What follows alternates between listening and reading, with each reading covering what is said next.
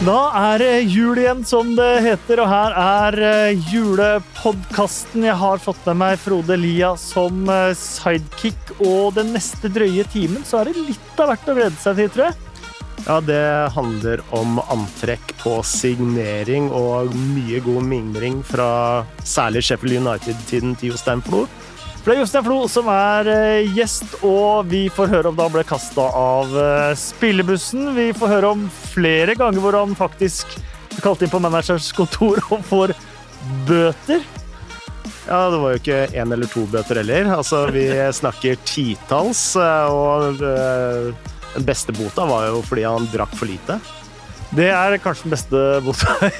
I tillegg så har han et fryktelig surt nedrykk på Stamford Bridge, eh, en eh, kontrakt han nok skulle signert da han eh, fikk råd om det. Og ja, det er egentlig bare å sette seg tilbake og kose seg. Og velkommen skal du være, Jostein Flo.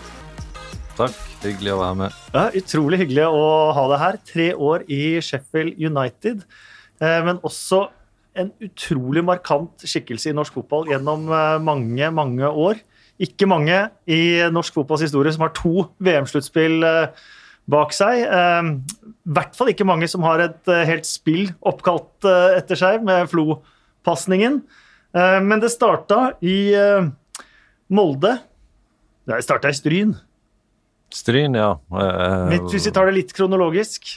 Var i Stryn helt var 23 år, ja. så jeg var seint ute med å skifte klubb. Jeg fikk tilbud fra flere og flere klubber. Til slutt så fikk jeg tilbud fra alle utenom Rosenborg. Da jeg var 23, og det har alltid irritert meg. Aldri fått noe tilbud eller henvendelser fra Rosenborg. Gikk til Molde, en av de nærmeste plassene i konkurranse med Sogndal fra Stryn. Lett å flytte. Og begynte på tømrerlinja der oppe. Eh, og fullføre siste halvåret på den og begynne å spille i Molde. Og der spilte vi litt av den der eh, Flo-pasningsvarianten, da, med Øystein Nederland, Jostein Flo. Øystein Nederland, tidligere skihopper, nå daglig leder i Dere hoppa ca. like høyt? Vi hoppa like høyt, og vi hoppa veldig mye på de samme oppspillene. Så det var litt sånn eh, eh, Vi ble brukt litt likt. Eh, vi spilte en fysisk fotball. Eh, og var sentral i den måten Molde, Molde spilte på. da. Eh, engelsk eh, fotball, eh, hva slags forhold hadde du til det mens du sto på Løkka og videre og drømte om å bli, bli proff? Vi var et nabolag som var veldig fotballinteressert i engelsk fotball. Eh, litt utover det vanlige. Eh, jeg var Leeds-fan fra min far, som var Leeds-fan fra tidlig av. Og så eh, var det mest, eh, den i familien som var mest interessert i, i, fotball. Nabolaget så hadde vi Liverpool. Det var Liverpool og Leeds. Vi hata hverandre. Vi gikk ut på verandaen når Leeds skåra, og brølte til de Liverpool-karene i nabolaget. Og de omvendt. Eh, og, det, og Liverpool og Leeds, det var Liverpool var det verste. Jeg visste alltid vært det. Hater Liverpool. og gjør det fortsatt? Og gjør det fortsatt, ja. og jeg har store problemer med de som holder med, ved Liverpool, og det var verre enn jeg var ung da. Og så hver tirsdag så eh, Bergens Tidende, som kom ut i Stryn, som var den største avisa i den regionen der, det var ett bilde under tips eh, på sportssida. På det bildet, den det var bilde eller det laget som var med på det bildet, spilte tippekampen i Norge på lørdag. Eh, så det visste vi tirsdag. Så vi løp fra skolen, eh, ferdig klokka halv tre. Og så var det førstemann ut, og så kom vi brølende ut av samvirkelaget i Stryn. Lest Bergenstiden, det er Leeds, det er Liverpool. Det var mye kamper fra Midt-England i den perioden der. Og ufattelig stor fotballinteresse. Det var jo den 70-tallsgenerasjonen jeg vokste opp med. Mange gode spillere. Bremner, Clark, Reenie, eh, Lorimer, Madeley, eh, Lorimer selvfølgelig. Eh, David Harvey, som alltid måtte stå på ei ølkasse på bildet for å rekke opp snitthøyda. Ja, fantastisk lag. Leeds. Og så hadde jeg sånne, hadde jeg sånne nummerlapper ute på, på, strømpene. Det var liksom litt finere under Don Revy. Det var litt stil over det Leeds-laget da. Eh, ja. Drillo, jo... Drillo, spilte jo mot Paul Medley eh, for Sarpsborg i Europacup. Eh, og for å sitere Drillo Paul Medley har aldri spilt en dårligere kamp. Oh, ja, såpass, ja. Han vet den havner i lomma. Men uh, Leeds hadde vel kanskje det mange hevder som uh, de fineste draktene i England? Det var stilfullt. Det var ja, sånn ny, men det, det, ble ikke så moderne, så vidt jeg kan huske, med å ha nummerlappene ute på strømpene. Ble det? Jeg tror Leeds var først ute med det i tilfelle det var flere, men det var liksom stil over den, eh, den Celtic var veldig seine med å ha nummer på ryggen. Ja. De hadde nummer på frampå på shortsen. I, helt til jeg var ganske gammel, faktisk. Og ikke nummer på ryggen. Ok. Så Det er kanskje en som kan sammenlignes. Ja. ja. Men du kan jo også, eh, når vi snakker om Leeds fra den eh, perioden, altså De spilte jo en eh, type fotball som veldig mange kanskje kan sammenligne litt med den type fotballen du spilte under på landslaget.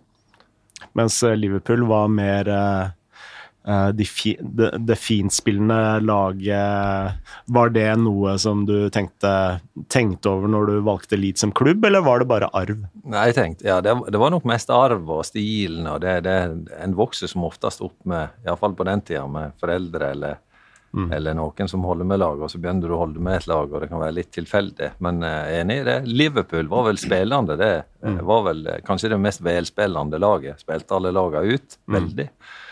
Eh, Mens Leeds var nok mer, som du sa, litt mer effektiv og litt mer framdrift. Eh, Men jeg tenkte jo på Leeds som mer vanlig engelsk lag i spillestil, men et veldig godt lag.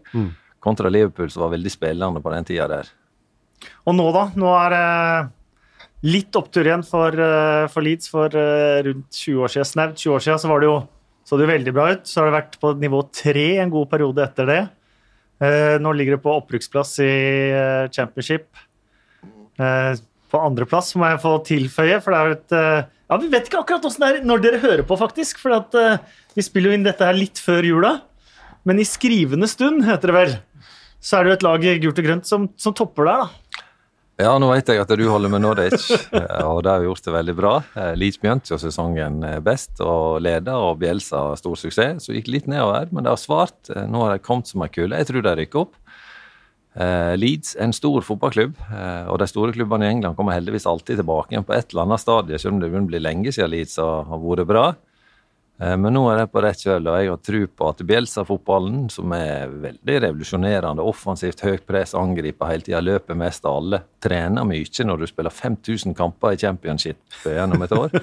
Det er helt enormt, det der. Jeg har prata mye med Tore André og, og, og hva de tenker om Leeds i England. og det Spørsmålet de stiller seg i fagmiljøet, der, det er når Leeds sprekker. For de trener så mye og så hardt, i tillegg til det tøffe kampprogrammet og det enorme tempoet som er i kampene, og Bielsa som kan drive spillerne litt for langt. Men eh, har svart. Nå er ikke de runda jul og nyttår enda, men, men eh, positivt at de holder så godt som de gjør. Og spiller så god fotball, selv om de har en del skader innimellom.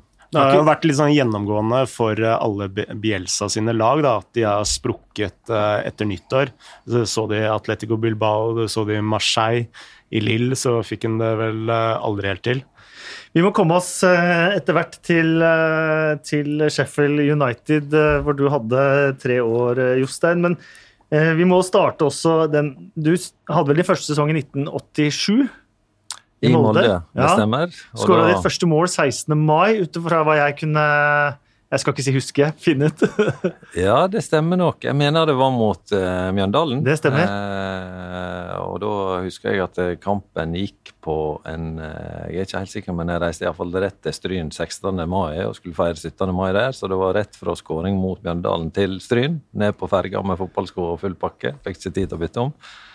Men var det også da du hadde Du kunne pynte deg fint før du skulle ut, men skoene sto ikke helt i stil. Er det noe, er det noe der? Er det noen du har snakka med der oppe? Marvin Arnesen eller noen som lager alle historier veldig gode? Jeg ser jeg har ofte nevnt at pub-til-pub-skoa ikke står helt i stil med resten av kledninga. Han mente at du, du hadde sko som fant veien hjem sjøl. Ja, det kan godt hende. Han er iallfall flink til å fortelle historier fra den tida. Um, men det var også der du på mange måter utvikla det som ble eh, varemerket ditt, hodespillet. Ja, det, altså det lærte med, med Åge Reide var trener i Molde. Åge Reide, karismatisk trener, flink til å få det beste ut av spillerne. Enorm eh, styrke i forhold til å motivere spillerne og få det beste ut av dem. Tok Molde fra et bunnlag til et topplag på ett år. Eh, enormt tydelig på hvordan en skal gjøre det. Harde treninger. Eh, Stor trøkk på trening og treningsvilje. Han kom jo fra eh, England, proff og alt det der, og realiserte mye av det og mentaliteten i Molde. Synd at det ble litt sølv og tapte cupfinaler uh, under han. Vi var litt sånn toerlag, da, men i utgangspunktet en outsider til å ligge i toppen i forhold til det mannskapet vi hadde, men som klarte det gjennom engasjementet, fotballen og tydeligheten. Og trøkk i både spill og treninger. Dette var vel før Røkke og Gjelsten kom inn også? Ja, det var ikke noe kapital i bildet på noe som helst slags måte. Og Nei. før den tida i Molde, så det var en helt annen identitet over Molde mm. i den tida der. Men det hadde fotballkultur fra, mm. fra 70- og 80-tallet Molde. Storklubb Sandset og skole tiltrekte mye spillere. Ja, fordi dere var ikke fullprofesjonelle spillere i Molde på den tiden. Dere måtte enten studere eller ha en deltidsjobb ja, ved siden av. Eller leve veldig dårlig. Det var ikke høye lønninger eh, på den tida. Men der allerede der så fikk du jo din første Du har hatt flere både som uh, spiller og ikke minst her i Godset uh, som, uh, som, sportssjef og, og alt. Når alt avhenger av siste match, den fikk du allerede da i Molde mot Moss. Siste serierunde? Det, det var, vi, vant mye, selvfølgelig. 1-0, eh, jevne kamper, mens eh, Moss skåra mer og spilte offensiv fotball. Det var Nils Arne Eggen som hadde Moss det året der. Tok det fra eh, neste øverste divisjon opp i toppen. Og de leda for det meste utover den sesongen. Så kom vi på slutten, og så var det opp til oss på Molde stadion den siste kampen. Eh, vi måtte vinne, eh, mens Moss i den kampen kontra. Vi hadde masse sjanser. Det, det, det, var det merkeligste jeg opplevde i mitt liv. Vi hadde skudd stolpe, stolpe, og meg og Øystein Nederland for å ta returen på begge sider. Keeper som ligger nede. Han snur seg og får returen rett i armene. Eh, Tre-fire stolpeskudd, headinger i tverrleggen. Vi bombarderte dem, og så kontra de inn to mål. Vant den kampen. Eh, alt, en kan alltid si vinner fortjent, men det var jo ikke det i forhold til sjanser og spill i mm. den kampen. Men Moss var nok det beste laget gjennom eh, det året. Offensiv fotball skåra mye mål. og kanskje den eh, beste Moss-generasjonen noen gang. Og så da var det etter hvert eh, landslaget, og så var det etter hvert Sheffield United. Hvordan uh, skjedde den kontakten, kontakten der at du Det begynte jo med at jeg var i, i i Sogndal etter et litt mislykka opphold i Belgia. Men jeg lærte mye av Belgia. Både treningskulturen, den type fotball som ikke passa meg helt, men som gjorde meg veldig godt. I Lierse? I Lierse, ja. Du spilte med Kjetil Rekdal? Jeg spilte med Kjetil Rekdal, ja. Og det var fem utlendinger. Og det var de fem beste spillerne. Tre av dem kunne spille, så det var alltid to utlendinger ute. Mm. Kjetil var ute en eh, periode, jeg var ute en periode. Kjetil mer ute for han krangla med treneren enn fordi at han ikke var god nok. Han var alltid best når det gjaldt Kjetil. Har vært hele livet, sånn sett. Men han var faktisk en del ute i den perioden. der. Så kom jeg tilbake igjen. Fikk realisert mye av det jeg lærte i eh, Belgia, og var veldig god i Sogndal i den perioden. Sogndal lå klart bak når jeg kom den sommeren, og det var jeg uredd den situasjonen der. Hadde tro på at vi skulle ta igjen de ni poengene som skulle til for å holde oss, med Harald Aabrek som trener. Han bygde mye rundt meg, eh, pluss en bataljon med andre floere. Det forteller jo litt om hva slags fotball vi spilte. Vi hadde én tekniker, Tor André, og resten var to meter med flo. Eh, og så ringte Rune Hauge eh, klokka halv tolv en kveld. Eh, og da var det middelsbørra eller hva det var, som var interessert. Han skulle formidle det. Han var den største agenten i norsk fotball, i særklasse. For så vidt den eneste store òg. Og så måtte han legge på plutselig fordi at han fikk en telefon. Det var klokka halv ett, eller hva det var. Så ringte han meg opp igjen en ti-elleve dager etterpå, klokka halv to om natta. Ja, hvor var vi hen? Og skulle fortsette samtalen. Det var litt sånn typisk Rude Hauge. Ringte til alle døgnets tider. Skal du bli fotballspiller, så må du våkne nå. Dette her er ikke å ligge og sove. Det var typisk Rune Hauge. Og da var det Sheffield United som vi prata om, eh, at de kom til å komme og se på, og at eh, det var ganske nær. Eh, Dave Bassett skulle komme opp til Lisje Sogndal og se og spille en kamp. Jeg husker ikke hvem det var mot. Men han kom iallfall opp til Sogndal, så den fram. kampen. Han fant fram, ja. Tok fly, alt var booka, sekretær. Og så når han tok taxi fra flyplassen i Sogndal inn til Sogndal, så stoppa han taxisjåføren midt sentrum og hvor er det du skal hen? Jeg skal til Sogndal. Han kunne ikke skjønne at det var Hvordan jeg kunne få Premier League-spillere ut av den lille plassen her. Det var ikke, han så ikke Elvehus omtrent, mente han. Så det var Veldig rart. Så kom han opp og så han kampen, og så hadde jeg møte med han etterpå. Han var fornøyd, og han tok en del telefoner. Eh, han var på hotell der oppe. Mm. Han Assistentmanageren var og så på en tilsvarende spiller i England, så jeg skjønte at det var meg eller han, og de diskuterte litt. Og så eh, ville jeg fortsette Vet hvem det var? Jeg husker ikke hvem det var, men det var en spiller som var ganske lik meg i mm. spillestil. Og så fortsetter vi forhandlingene på Grand Hotell dagen etterpå i Oslo.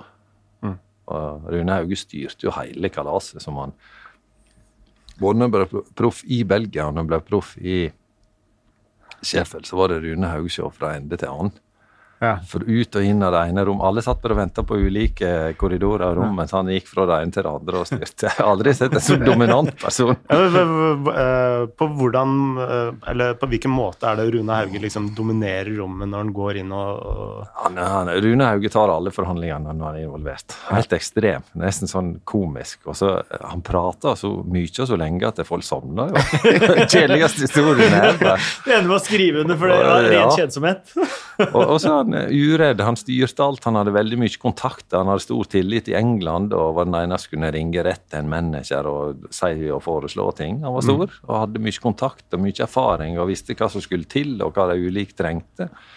Kunne mye om eh, klubbene innad i klubbene, både økonomi, ståsted og hva en kunne kreve og ikke kreve.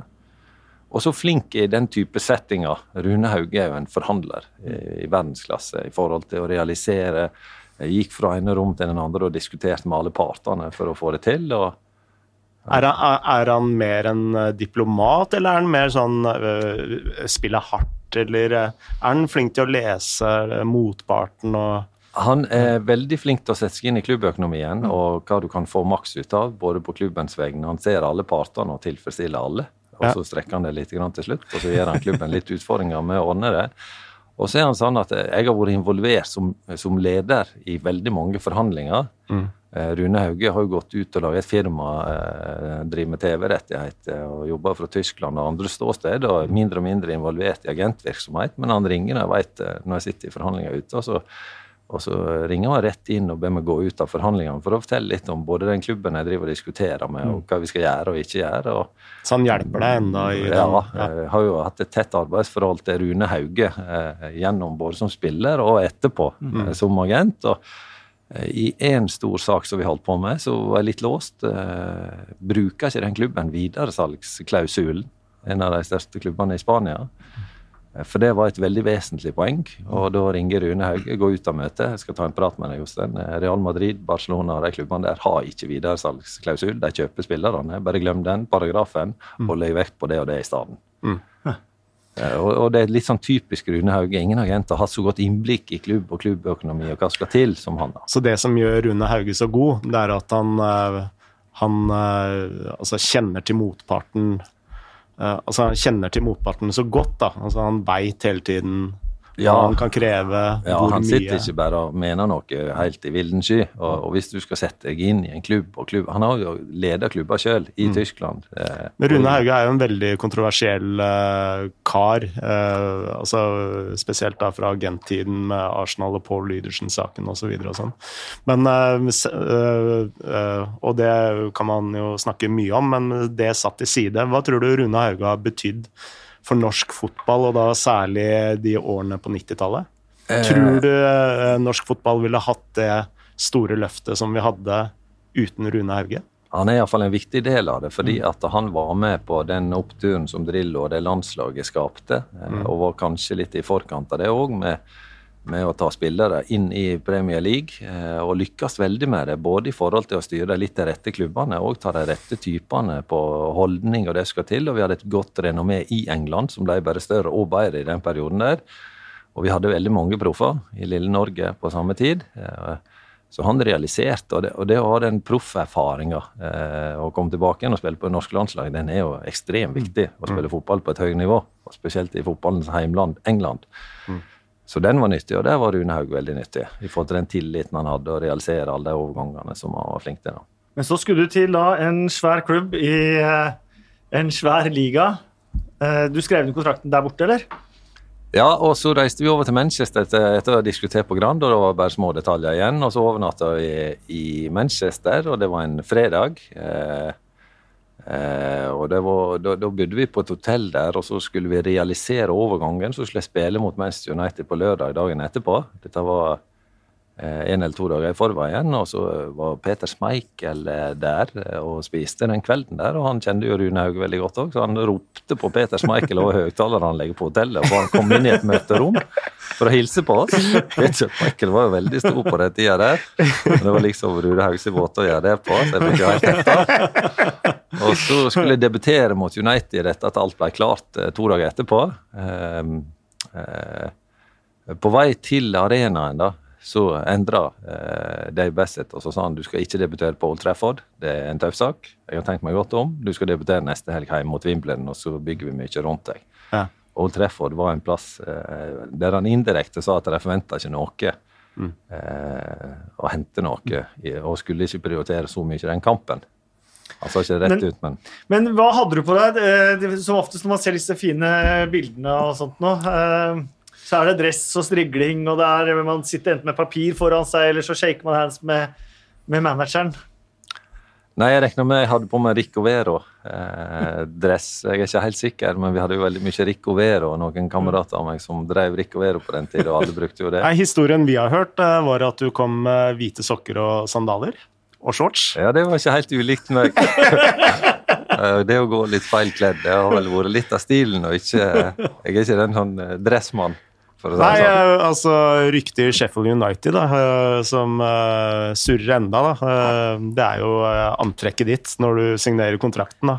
I shorts og hvite sokker og slippers. Ja, det stemmer. Men det, jeg var litt overraska den dagen at vi skulle gjøre det, for vi skulle egentlig gjøre det offentlig dagen etterpå, så ble det litt tidligere. Og så jeg fikk en brå lærdom, for at der går du med dress til og fra trening. Og mm. de kjører jo biler på et eh, helt annet nivå enn den eh, Ford Audi 8 jeg hadde kjøpt brukt.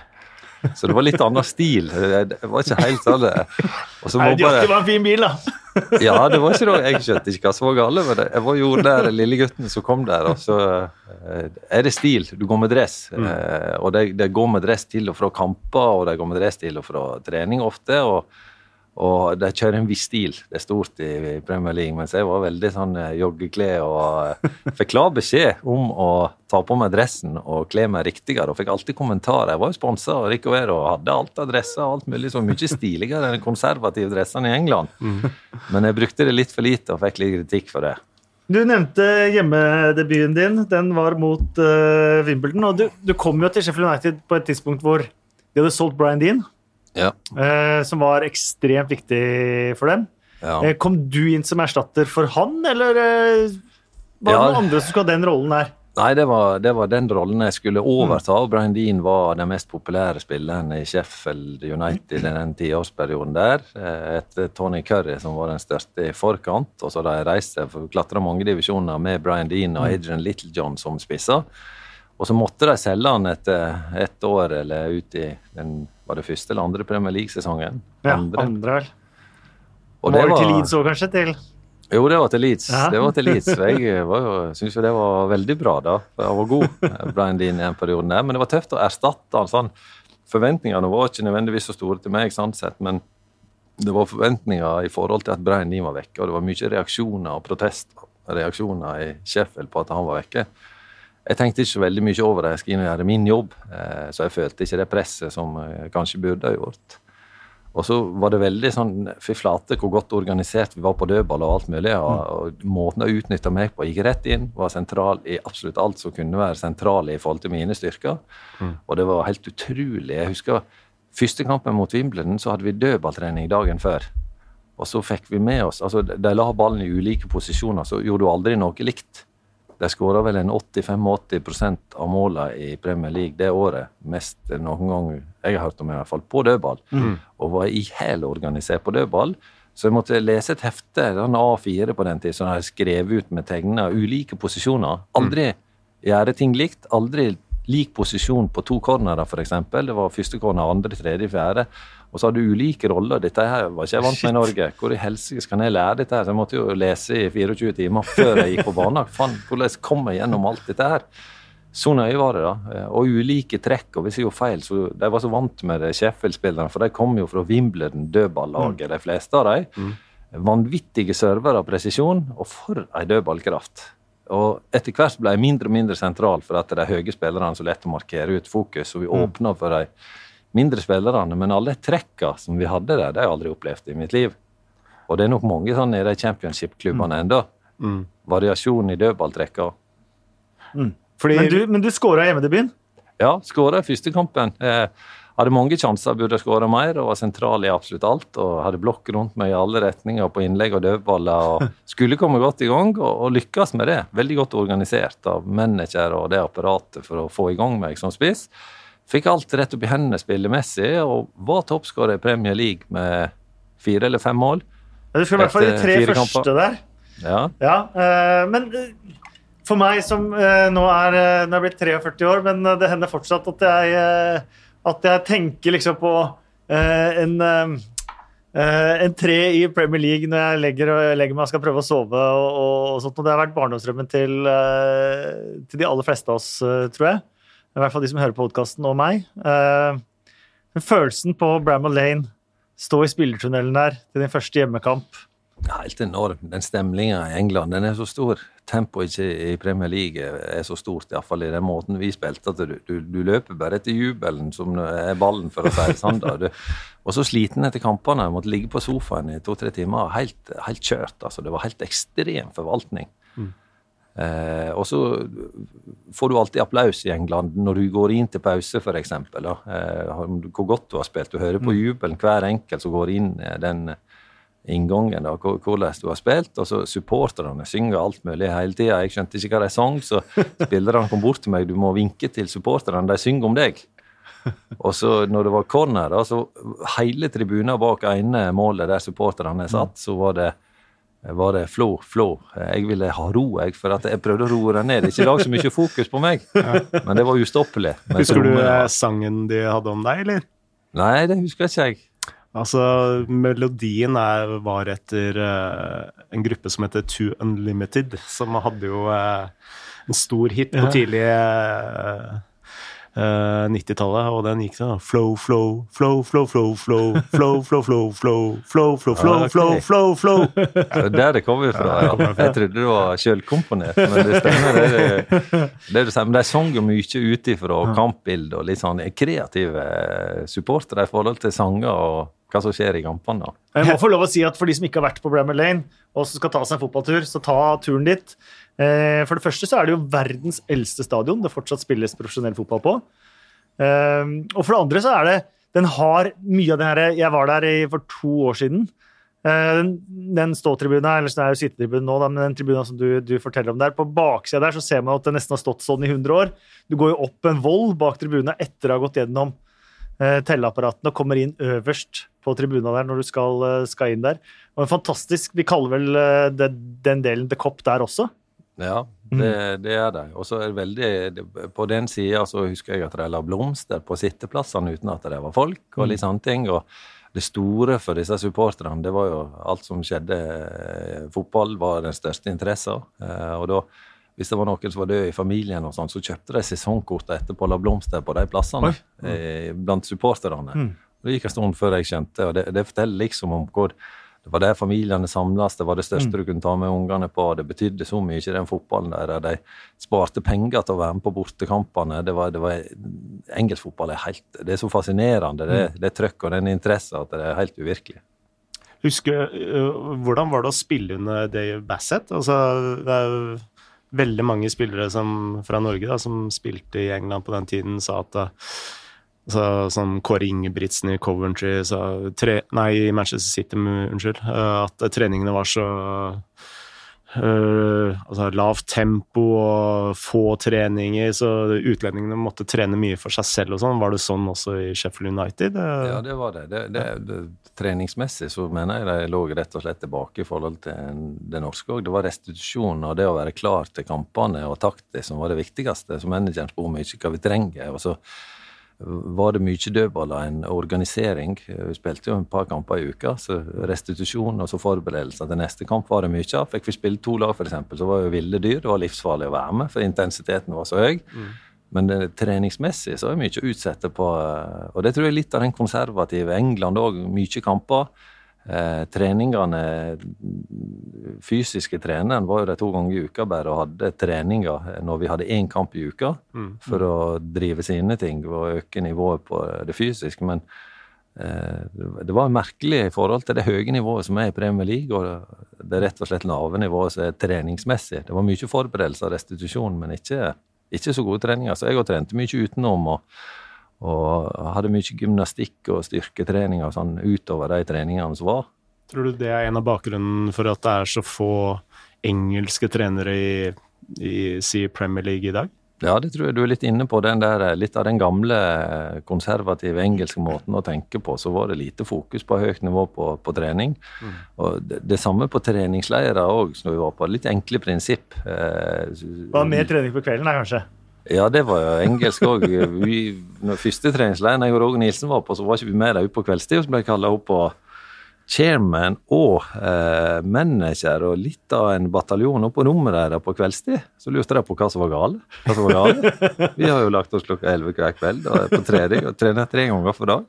Og så er det sånn, du, du løper til førstemannsbyr omtrent treningsmessig. Ikke, du bygger ikke form, du bare kjører på. Du lærer mye mentalt, og du blir tøff av det, for de presser likskiten av deg på alt. da. Men vi måtte opp der, Roger Nilsen og meg, vi satt så på hverandre hva som er galt. Det er ikke noe som er galt. Det gikk lang tid før jeg kom til poenget. og så, Hvorfor ikke er dere med guttene ut på kveldstid? Fordi vi er på treningsleir. Fordi vi er seriøse, og de så ikke seriøsiteten i det. Helt annen kultur. Det fikk sjokk. Så første skuffelsen eh, fra manageren din er at du var ikke med ut på byen? Ja, det var, det var veldig Men dette skulle vi forbedre. Det, vi skjønte ikke hvorfor vi trodde det var noe alvorlig galt når de kalte inn til møte med alle de toppene på samme tid. Men det hørte jeg med Roger Nilsen, at han kunne løpe fra alle på laget på disse her løpegreiene. Og løp over voller og drev på de treningsleirene og løp. Eh, mens, mens han løp da fra alle og først ferdig, så lå engelskmennene og spøy. De var knapt kommet uh, halvveis, for de var så slitne. Men det var de som fikk ros av Dave Bassett, for de hadde gitt alt. Ja, det var, også veldig rart. Jeg husker vi, vi var inne i en dårlig periode, og så fikk vi sånn straffetrening. Og da skulle vi løpe en mil. og Førstemann til Det skulle liksom være høytidelig å komme først der og presse oss og stille krav. Litt sånn typisk sånn når vi taper, skal dere jaggu vise hva dere duger. Og så løpe en mil der alle starter likt, og engelskmenn står og spyr etter 300 meter og 400 meter og 500. Må disponere kreftene litt. Vi nordmenn er mye smartere på det der. Knuste dem hver gang. Men det var dem som fikk skryten for at de hadde Ja, gitt alt. ja, ja. Og så hadde vi sånn Arsenal-test, eller hva det heter. Fem meter og tilbake en ti meter, 15, 20, 25, og så skulle alle under 35 sekunder. Og før vi klarte det, så fikk ikke vi gå fra treninga. Så vi måtte jo jukse med lengder, og det, det, engelskmenn lå og spydde, og det var voldsomt sirkus. Det var sånn tøff match, og nå skal vi trene hardt, altså. Vi skal trene til vi stuper. Så ligger der hele gjengen som en slakt av merkelig. Inn klokka sju dagen etter tap. Straffetrening. Bare løp til tortur. Men når du kom til Sheffield United, altså all, alle nye spillere har vel, hva kaller man det, initiation eh, Ceremony, ja. ceremony? Ja. Hvor det er enten synge for uh, lagkompisene eller et eller annet. Husker du hva som var Ja, det er jo veldig mange uh, eh, sanne ting. Jeg husker på den treningsleiren så uh, krevde spillerne at eh, jeg skulle klippe meg. Vi var i Dubai, og de skulle velge frisør, og det pratet man i forveien. og så kom jeg opp til jeg skulle klippe meg, og så de fulgte ikke med på hva jeg sa, så de klippet meg sånn som eh, spillerne hadde avtalt. Og så eh, kom jeg ned i matsalen etterpå, og så bombarderte de meg med kanelboller med krem på og alt mulig, og på lesegel. Jeg måtte reise meg, og de kødda voldsomt med meg da. Eh, Men det var jo litt sånn kulturen der. De var jo åpne overfor hverandre, spillerne, og uh, uredd for å gjøre litt eh, artige ting, da. Eh, og etter dette her, ikke så lenge etter debuten, du hadde kommet godt i gang, og sånt, og så fikk du matchen din på Ellen Road.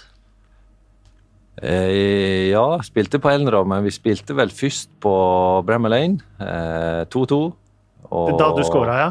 Da jeg skåra på overtid, ja. ja. Du mener det var først? Ja, det mener jeg var først. Ja, da tar vi det først. Jeg vet ikke. Nei, jeg tror, jeg tror det var det. Vi hadde vært skada en stund, både jeg og Brian Dean. Mm. Eh, og så skulle, var vi tilbake igjen, og det var veldig spesielt på Bremer Lane. Eh, første gangen han var tilbake igjen på Bremer Lane etter at han ble solgt, og jeg som eh, var tilbake igjen fra en, lite skada brekk. Eh, og så skåra Brian Dean. Eh, og så leda Leeds eh, 2-1. Jeg er Leeds-fan. eh, Jeg var så glad for Brian Dean var i gang igjen, for han hadde ikke gjort det bra i Leeds. Så jeg tenkte jo like mye på det. Så får jeg et langt oppspill ett eller to minutter på tid. Eh, tror jeg står i offside. Brassespark. Fullfører det helt sånn automatisk og sikker på at det blir annerledes. Så blir det mål òg! og så blir det 2-2. Og så dommeren peker på mitt, eh, at det er mål med en gang. Jeg løper jo etter dommeren og må annullere det. Så jeg ødela jo, men, men det, var, det, var, jo en kombinasjon av glede og frustrasjon. For det var alvorlig Leeds-fan. En annen ting er at når vi spilte mot Leeds den dagen der, så menneskene gikk gjennom det beste, gikk gjennom hver enkelt spiller. Og så spurte han meg kjenner du midtstopperne da, Flo. Liksom Ingen tillit til at jeg kjente eh, Weberall og, og, Chris White, som ja. var midtstoppere i den kampen der. Og så tok jeg detaljene på det, hva ungene heter, hvor de har gått på skolen, hva de bor hen, og alt mulig. Og så faen det som skjer, er du gæren, eller? Nå feiler Flora. Han vet aldri noe om de midtstopperne, for det, det, det er grundig på detaljer hvem vi møtte. Og så mista jeg ned det programmet som jeg satt og så i på det spillemøtet, The Peacock News. Og da mm. Glyn Hodge han satt ved siden av meg, god kompis, og han bare tok det bladet og putta under baken på seg sjøl. Og så sier han til meg, Flo, kan ikke sitte på spillermøte med medlemsbladet til Leeds. Det går ikke an! Hadde manageren sett det, så hadde jeg tatt deg ut. Jeg var medlem av Leeds United supporterklubb. Ja, og det, deres uh, supporterblad heter Peacock News. Ja. ja. Du er, eh, det må jeg si, jeg får jo en del eh, kritikk på denne podkasten for at jeg alltid nevner Norwich. Men det må jeg si, Jostein, du er mer Leeds enn jeg har hørt noen, faktisk. For de fleste pleier i hvert fall å legge det litt i bagasjen når man skal møte de laga. Altså. Ja, det, Kjetil Rekdal er jo kjent for å være den største mm. Leeds-fan, men vi bodde jo på rom sammen. Eh, vi bodde mye i dag i Belgia, leilighet vegg i vegg, og vi har alltid bodd i lag på landslaget. Vi spilte sammen i Molde, så vi har flere hundre tusen eh, døgn sammen på hotell. Og det vi diskuterer, Kjetil Rekdal han spiller kort med spillerne, det gjorde jeg aldri. Og så kom han opp på rommet leggetid, ti på elleve, på med tekst-TV 242, TV 2. Leeds. Skåra for lite, for mye. Samtaleemne. Og så har jeg sett nok på det, så var det 'hold kjeft nå, Flo, nå skal vi sove'.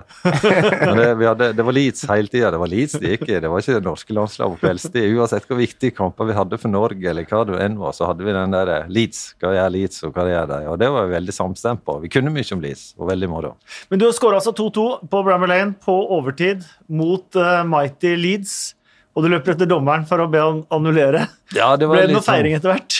Nei, når jeg kom hjem igjen den kvelden, så på vei jeg, jeg bodde bare en kilometer ifra Bremer Lane, så jeg gikk i begynnelsen eh, til og fra kampene, for det er så mye publikum som du må gjennom, osv. Eh, og da gikk jeg via en sånn butikk som solgte vin, kjøpte en flaske rødvin, gikk hjem igjen, satte på tekst 242, som jeg snakka om, og så ser Sheffield United Leeds 2-2 Flo. Jeg trodde aldri jeg skulle få se Flo og Leeds United skåre i en sånn kamp på samme tid. Så det satt jeg og så på tekst i to-tre timer og en to-tre glass vin. Det var helt utrolig opplevelse. Ingen jeg satt helt alene. Det er helt sykt, faktisk. Eh, men det var en tøff sesong.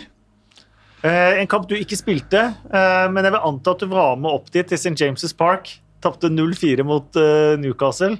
Ja, jeg tror kanskje vi tapte 5-0 òg. For det første, så St. James ja, det står 4-0 faktisk i okay. Rotmans. Altså, ja, da har du rett. Vi var iallfall kjørt over. Jeg har aldri opplevd sånn. Det er lenger nord du kommer i England, til større atmosfære på mm. tribuner. Mm. Og merker det trøkket jeg har aldri vært der før eh, når vi skulle spille mot eh, Newcastle. Enorm stemning. Jeg og Glyn Hodge vi var ikke med i troppen. Vi ble satt ut den kampen der, så vi satt opp i Players Loungen og tok et glass vin. og hadde ikke all verdens imot at Newcastle skåra. Ble blåst inn i mål eh, og kjørt over fra ende til annen. Eh, så kom vi ut i bussen etterpå. Eh, helt stilt. Stor respekt i England for manager. Vi hadde tapt. Vi var inne i en litt tung periode. Sitter alle der helt stilt alltid når manageren kommer inn, sitter Bassett, og så ser han rundt seg på spillerne. Og Vi regna med at det var straffetrening, og at nå kom Lire ut av seg. Han ba alle ta igjen dørene. Tenkte vi nå blir det henrettelse mentalt og alt her. Og så sier han, han kontroversiell, så sier han dere gjorde det dere kunne i dag. Jeg syns synd på dere. Fy flate hvor dere jobber. Dette her er den vanskeligste arenaen. Newcastle var god på den mhm. tida der. Han var fornøyd med innsatsen, og nå skal vi ha det moro hjem igjen. Nå ringer dere til alle og sier dere kommer seint hjem igjen, og så tar vi pub til pub. Fra Newcastle! Den lengste reisa. Altså, Og så supporterne etter og etter. Eh, Så vi stoppa jo på hver eh, Eller med jevne mellomrom, da. Så det ble en utrolig livlig tur. Men det var typisk sånne Supportere tok da pub til pub sammen med dere Ja. bak bussen. Ja, ja, ja. Det var alltid sånn at tradisjonen var at det, at det spillerbussen den ville mange av supporterne følge, så vi kjører Ja. samla. Og det er litt sånn i England at en kjører i kolonne Mm. på kryss og tvers eh, sammen med spillerne, spesielt etter kampene. Så du var ganske skeiv i skøytene når du kom hjem. Ja, det var sånn når bussen var på Bremmelinja, så var det begge ut først, og så var det jodling og skriking. Det tok, tok tid å tømme den bussen der, gitt. Var eh, St. James den verste bortebanen å, å dra til i Ja, det, vil- det vil jeg si. Ja. Eh, I forhold til trøkk, engasjement eh, og, og galskapen der oppe. Eh, så den var helt enorm. Det var en Hva er den eh, verste midtstopperen du har møtt i, i Premier League den sesongen? Eh, Linningen-brødrene i mente, Andy. eh, Det var i Queens Park en av dem, eh, for eksempel. Men det er Liverpool det hadde jo han eh, en par drapsmaskiner. Wright og hva heter han andre som klepte ned alt, som kunne krype og gå? Ja, der var det ja, Mark Dog. Wright, og så var det Dog. Ruddock. Racer Ja. Ruddock, ja. Han spilte vel der, ja. Han var gæren. ja. Men det, det, det, det var litt farlig, for at det, de klepte jo ned både ball og mann og alt mulig, og det, det, du var veldig skadeutsatt. og Jeg husker Besset hadde veldig mye fokus på at Flo, du, må, du må beskytte deg sjøl. Vi er en eks-Wimbledon, og vi er tøffe gutter. Det er ikke hjelp i å De klipper deg ned uansett. Da. Du er den store, sterke spissen. Du må være smidigere. Du må ikke ha tyngde på den og den foten. eh, For de tar deg. Og det, det lærte jeg faktisk eh, mye av, for det var tøft. Det er jo en kombinasjon av rugby og fotball. ja. Ja, men På Særlig på der. denne tiden Ja. hvor eh, før uh, Men der hadde du jo Vinnie Jones, da, uh, før du kom.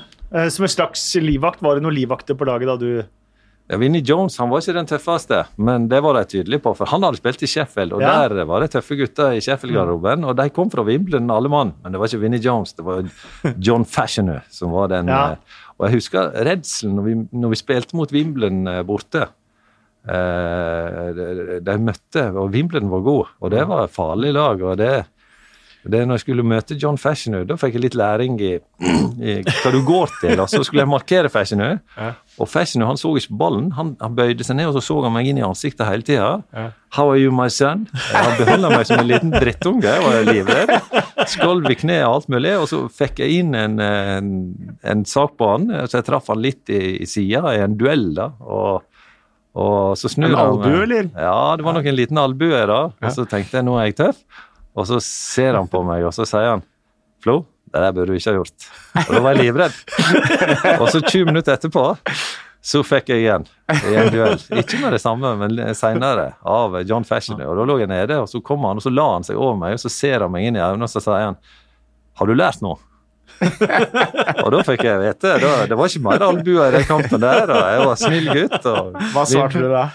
Nei, jeg sa, jeg, sa jeg følte omtrent så det, det var en far over meg. og Han var, han var brutal, han var tøff, han var veldig Knuste var- jo hele hodet, nesten. I hvert fall ansiktet til Gary Mabbott, eh, John Fashioner. Jeg, Erik Thorstvedt snakker sjelden negativt om folk, men eh, John Fashioner hadde han ikke veldig Nei, det var- det, var stygt. Og det, det var litt av deres sin, sånn wrestle-propaganda i forhold til både duellspill og måten de var på, og kultur og mentalitet. Det var farlig. Men, Men var det- det sånn i garderobene der òg, sånn som ryktene har gått, med kaldt vann, eh, kjempevarmt i garderoben, eh, gjorde alt mulig, høy musikk rett utafor, som dere ikke skulle få konsa når dere var på spilte borte mot himmelen.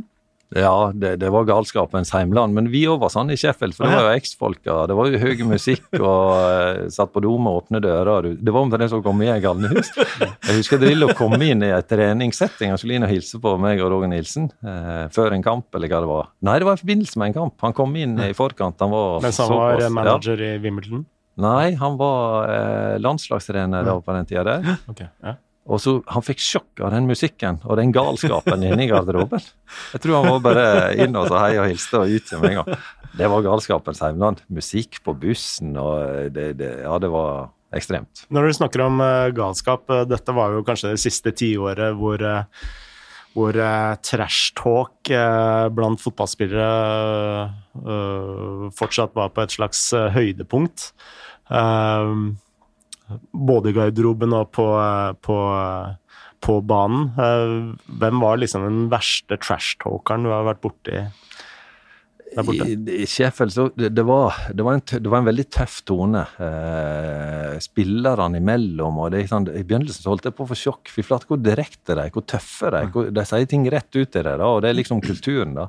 Sånn ufine, eller? Eh, Ja, det er veldig direkte. Spissa. Eh, Ikke noe sånn diplomatisk eller å bygge opp. Eller det, jeg husker jeg fikk sjokk. Det er Bassett. Jeg, jeg var reserve en periode. Kom ned i garderoben eh, etter kampen og, og takka spillerne for kampen og syntes det var bra de hadde vunnet og alt mulig. Og så låste han døra og så kjefta han på meg en og en halv time, iallfall en time, fordi at eh, du skal spille. Hva er det du går rundt her som en milkman fra Norge med bleka hår? og Jeg måtte lære meg å bli en kriger. Jeg var ikke her for å sitte på tribuner. Gå rundt og takke spillere, medspillere, for kampen er konkurrentene dine. Du må inn og spille. Du må bli tøffere. Ja. Og det fikk ofte sånne høvlinger. Eh, eh, når vi var ute av laget, og, og han tok meg skikkelig, da. Han, han stilte krav, og det var kulturen. Det var, liksom, det var veldig direkte. Og spillermøte, det er det tøffeste. Eh, En gang så sa jeg litt lite på et spillermøte, og så hadde jeg underprestert. Og så sa Beset at Flo, gå fram, vis på tavla. Nå får du et kvarter hvordan du vil ha det, og hvordan det skal være. Og så forteller du rett fra hjertet. Bruk den tida du trenger. Kom igjen, kom deg fram. Inn i garderoben med alle de kritikerne rundt. Det var en tøff tone. Og det var, det var både krava til, til de rundt seg, og de krava du stilte til deg sjøl. Det var mannfolksport av dimensjoner, altså. Var det slåssing i eh, spilletunnelen som du opplevde? Ja, nå, nå tok de jo motstanderen litt sånn eh, Men jeg var ikke blant de tre-fire gangsterne som eh, var med på å utførte det. Men jeg husker det var knuffing en gang mot eh, Ellen Shearer når vi møtte Blackburn, og han ikke kom ut igjen etter en eh, krangel i pausen. Eh, Overraska meg at Ellen Shearer ikke sa noe om det i etterkant heller. Det var et eller annet de begynte å krangle om, og han ble eh, sannsynligvis skada som en konsekvens av det. Det vet jeg ikke, men han kom ikke på banen i andre omgang. og det, det, var, det var en kampsport, og det var mye dueller, og det var mye stygt. Og det var mye i forberedelsen til kampene òg som var helt i grenseland. Men for dem så er det match, og det er kultur. Eh, det er litt av det dere var inne på litt tidligere. at nå, Det er litt sånn gamle konservative England, duellkrafta og alt det der da, som det blir litt og litt mindre av, tror jeg. Hvem var det som var de største krigerne på laget ditt? da? Eh, vi hadde jo mange Wimbledon. Eh, Brian Gale, for eksempel, som var tidligere City-spiller. Eh, Glyn Hodge var en liten luring. Eh, eh, Alan Cork var en god gammel Ellen Cork, han var faktisk eh, Han skulle spille, han var i klubben. Eh, ble belønna med kontrakt i den perioden jeg var der, og skulle være erstatta for meg. Og jeg tror aldri jeg har lært så mye han spiller. Han kom inn og forklarte meg i pausen hva jeg er feil og hva jeg er bra. Mm. Og så uh, kunne han til og med si på spillermøtet etter kampen at Flo, nå er ikke du god nok, nå må jeg rett og slett inn og spille for deg. Dette her går ikke. Uh, og Han trente to ganger i uka. Han bodde i London, kjørte opp til Sheffield. og han, han, Når han sa han skulle spille for meg, så spilte han. Og Da kom han inn, og så hadde han dialog både med manageren og meg om, om hvordan han erstatta det. Eh, Og kom inn og gikk ut sjøl, som han ville. eller som, Han var en, litt av en kriger. Sønnen hans òg, spiller i Premier League nå. Ja, Jack. Sikkert samme ulla. Ja, han var kriger han òg. Skåra vel nesten i helga, men den gikk via magen til Tarkovskij, så Tarkovskij fikk, eh, fikk eh, skåringa. Eh, Det var jo en tøff sesong, den første. Du hadde da vært i Sheffield United en stund, og så kom jo da julehøytiden. Eh, Ja, det var jo, ber- berykta, for det at eh, det, fra Wimbledon-tida med Besset eh, og til Sheffield så var det et juleselskap der de ofte snudde ting og hadde litt av et selskap. Og det var sånn mannfolkselskap. Men det Men Jeg Men i opplevde- Sheffield United så var det sånn bare, Hvis jeg har riktig om det hang igjen til, til dere for at 91-92 så hadde man fire poeng til jul. Ja. Så hadde man juleselskapet, Ja. og så var beste lag i England eh, etter det. Ja. Uh, og holdt seg med klar margin. Ja. Eh, så neste sesong så hadde man juleselskap i september. Ja. Eh, bare for å kunne snu det allerede da. ja. Eh, hadde dere det da, eller hadde dere begynt med vanlig juleselskap igjen da du kom?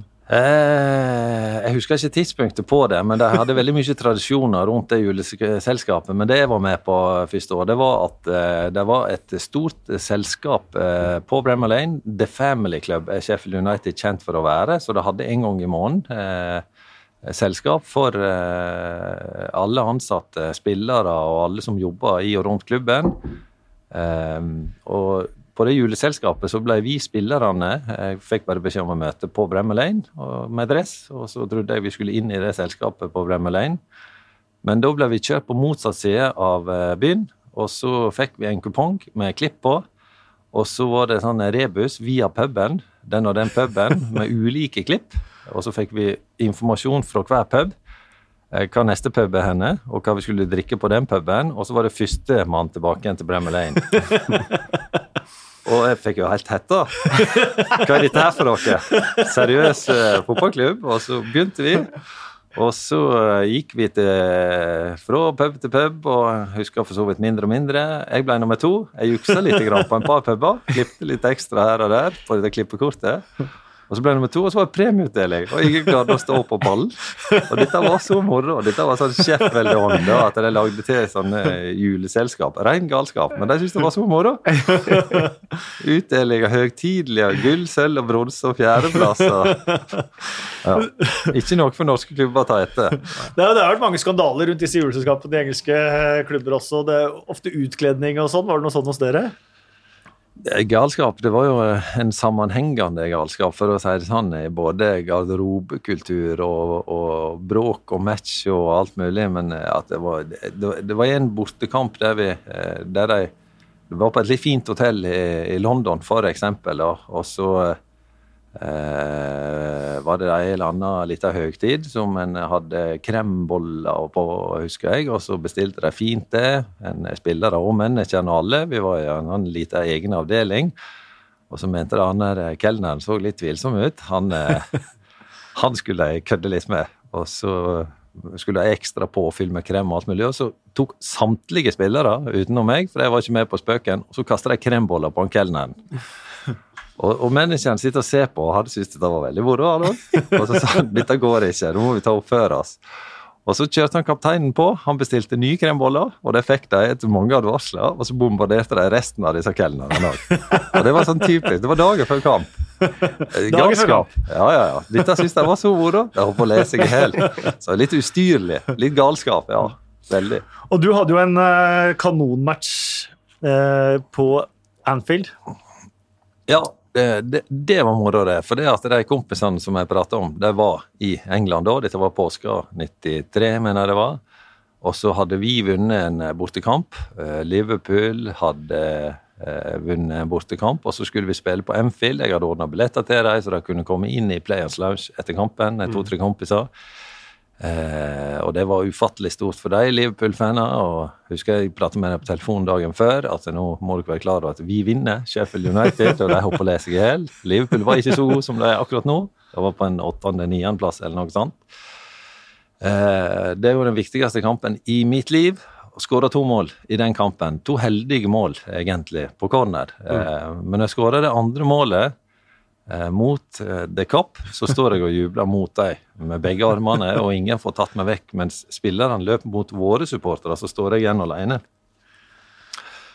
Og, og det, er litt, det, er litt, ekstremt å gjøre mot supportere i engelsk fotball. Det er veldig uhøflig. Ja. og eh, det, det, ble et voldsomt rabalder, og så kom de og henta meg. da, Hva du driver med, og alt det der, men gleden er jo stor over at det, ja, ja. Og så slo vi Liverpool 2-1. Og du hata Liverpool? Og jeg hata Liverpool. Det. det. var veldig bevisst. Og så eh, Det skjedde mye der. For det første, på bussturen hjem igjen, så feira spillerne. Så gikk jeg fram til menneskene og sa at dette går ikke an. Vi skal spille kamp igjen om tre dager mot Arsenal hjemme. Så, to dager, tror jeg faktisk. Det var 2. april og 4. april. Stemmer. Og så tok menneskene meg bak i bussen, og så sa Flo klager på at dere drikker, og feirer seieren. Og da var jeg den største idioten som fantes. At du skåret to mål mot Liverpool, og så ikke feire. Kasta rett av bussen på motorveien med bagen og alt mulig. Og alle sitter bye-bye og vinker i bussen. Det var én ting. Og så ble jeg kalla inn på kontoret til manageren jeg kom eh, tilbake igjen, eller dagen etterpå. Og da, da forklarte han, da spor han om jeg gjorde dette her med vilje. da. Eh, Jubelen mot det kapp, for dette ble vist på TV-en etterpå. alt det der. Mm. Ja, og så fortalte jeg en lang historie om hvorfor jeg hater Liverpool. Han likte den historien. Men du må jo si at du ikke gjorde med vilje. Fucking Norwegian. Du må bare si at du ikke skjønner dette her kulturen i England. Og så måtte han i en bot. Så fikk jeg 30 eh, eller 40 000 i bot. 30 norske kroner? Ja, det var mye på den tida der. Men for meg med glede. Og jeg var tydelig. Så jeg var ustoppelig. Kan, kan du fortelle hvilken historie du ga Dave Bassett? Nei, Jeg sa bare som sant var. Fra barndommen har jeg alltid hata den klubben her, og jeg er ustoppelig, og dette her har jeg gleda meg til hele livet. Og Liverpool, det er sånn og sånn. Og han, han likte alt jeg sa. Men han måtte gi meg straff, da, for det var, litt, det var søkelys i lokalavisene. Engelske aviser var tøffe. Eh, tøffe i vendingene. Og... Så avisene var ikke fulle av at du ble kasta av eh, bussen på motorveien? Nei, det var helt vanlig. Det var ikke noe det var... kom du deg hjem? Jeg tok taxi, og jeg måtte betale sjøl. Spillere syntes det var kjempeartig. Begger og alt mulig, og så skåla de i glasset ja, det, på bussruta. Så der var du aleine i Mercyside eh, på gata i, i kveldinga der eh, mens bussen kjørte av gårde. Men du hadde vel fans da, som kom i kolonne bak, som også bare kjørte forbi der? eller? Ja, det stoppa bare på motorveien og blinka og sette på nødblinken og av med alt mulig. Men eh, det, det, var mye sånne episoder. da, Spillere frampå på mye. Eh, så kom jo da den første sesongen. Eh, dere hadde alt i egne hender før siste matchen på Stamford Bridge. Eh, hvis Everton tapte sin kamp, så hadde dere holdt dere med tap også. Ja. Eh, men Everton snudde 0-2 til 3-2, faktisk. Mm. Eh, så dere måtte ha poeng på Stamford Bridge.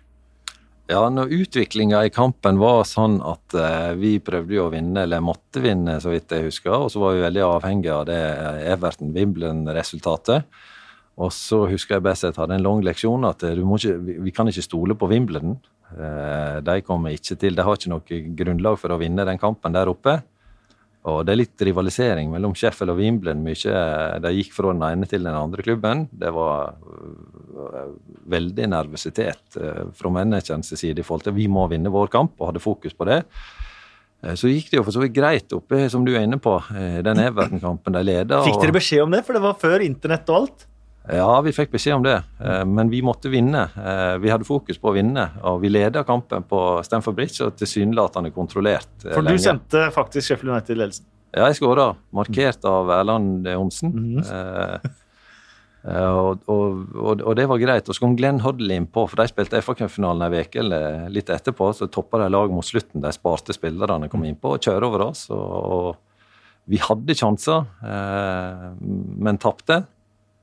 Og så hører vi resultatet snur oppe i Everton, som ikke var noe overraskelse for eh, noen i klubben. Og jeg kom inn i garderoben, den dramatikken eh, over å rykke ned, og voksne folk og reaksjonene og alt det der, det er det sterkeste jeg har opplevd i hele mitt liv. Eh, nedrykk som Det er jo livet til veldig mange. En par tusen supportere satt igjen og trøsta hverandre. Spillerne gikk ut. Så vi ble enige om å reise sammen tilbake igjen etter tap. Det er veldig samhold i England. Det var en sterk opplevelse. Eh, og Så viste det seg i etterkant at det var jo litt kampfiksing i den Everton-Wimbledon, så da Bessett mente jo at, det, at det, burde bli rettssak, og at mm. FA burde reagere osv. Men det ble ikke noe mer ut av det, annet enn at det var ble bekrefta òg at det var en kuppakamp. Ja. O'Sullivan slepte unna et mål som han bare lot gå inn, da. For han har jo også innrømmet det i ettertid, har han ikke det? Jo, jeg mener at det, det, kom fram det, og at de eh, ikke gjorde noe for å prestere i den kampen der. Og så viste det seg at noen av dem hadde spilt på den kampen òg, mm. eh, av spillerne. Mm. Eller i og rundt eh, spillerne. Så sterke indikasjoner på det, ja. Mm. Og det er litt ulikt England, for der er ærligheten ufattelig eh, stor. Og lojaliteten til å stå på. altså Om klubbene ikke har noe å spille for i, i sluttfasen, så betyr det mye å avslutte sesongen godt og stå på. Er det noe det har, så er det ærlighet og stort hjerte for at ting skal være rettferdig. Så overraskende den saken er. Men jeg så på tabellen før jeg kom hit. Dere hadde jo klart dere med uavgjort. Da hadde dere overlevd på, på målforskjell. Og seiersmålet til Chelsea kom ett eller to minutter på overtid. Ja, det stemmer. Og vi hadde noen sjanser før det. Nathan Blake og meg kom alene med keeper, og han var egoistisk og ikke sendte det til meg, så jeg var irritert. eh, men så skåra de. Jeg husker ikke hvem som skåra. Det var Mark Stein. Ja, og så var Glenn Hoddle som kom innpå og snudde den kampen der, og de kjørte over oss på slutten. Men når jeg ser, jeg husker ikke den, den kampen, men jeg ser jo ser tallene og når målene kom og, og sånt noe. Hvordan er det egentlig som du sier, det er massevis av folk sine arbeidsplasser, det er masse av fans sine liv.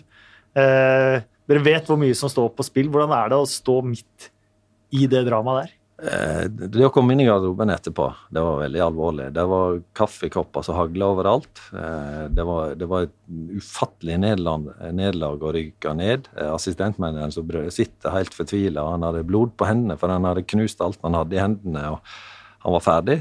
Han hadde fått beskjed om at han var ferdig hvis vi rykka ned, for han måtte kutte kostnader. Og det var flere av spillerne som hadde fått beskjed om det òg. Dessverre, hvis det er nedrykk. Det, det er veldig, I England så er de flinke til managerne. Har du vært lojal overfor en fotballklubb, så får du kanskje ett år ekstra som en takk for at du har ofra deg for den klubben her. Eh, det var en del av de som visste de kom til å slutte.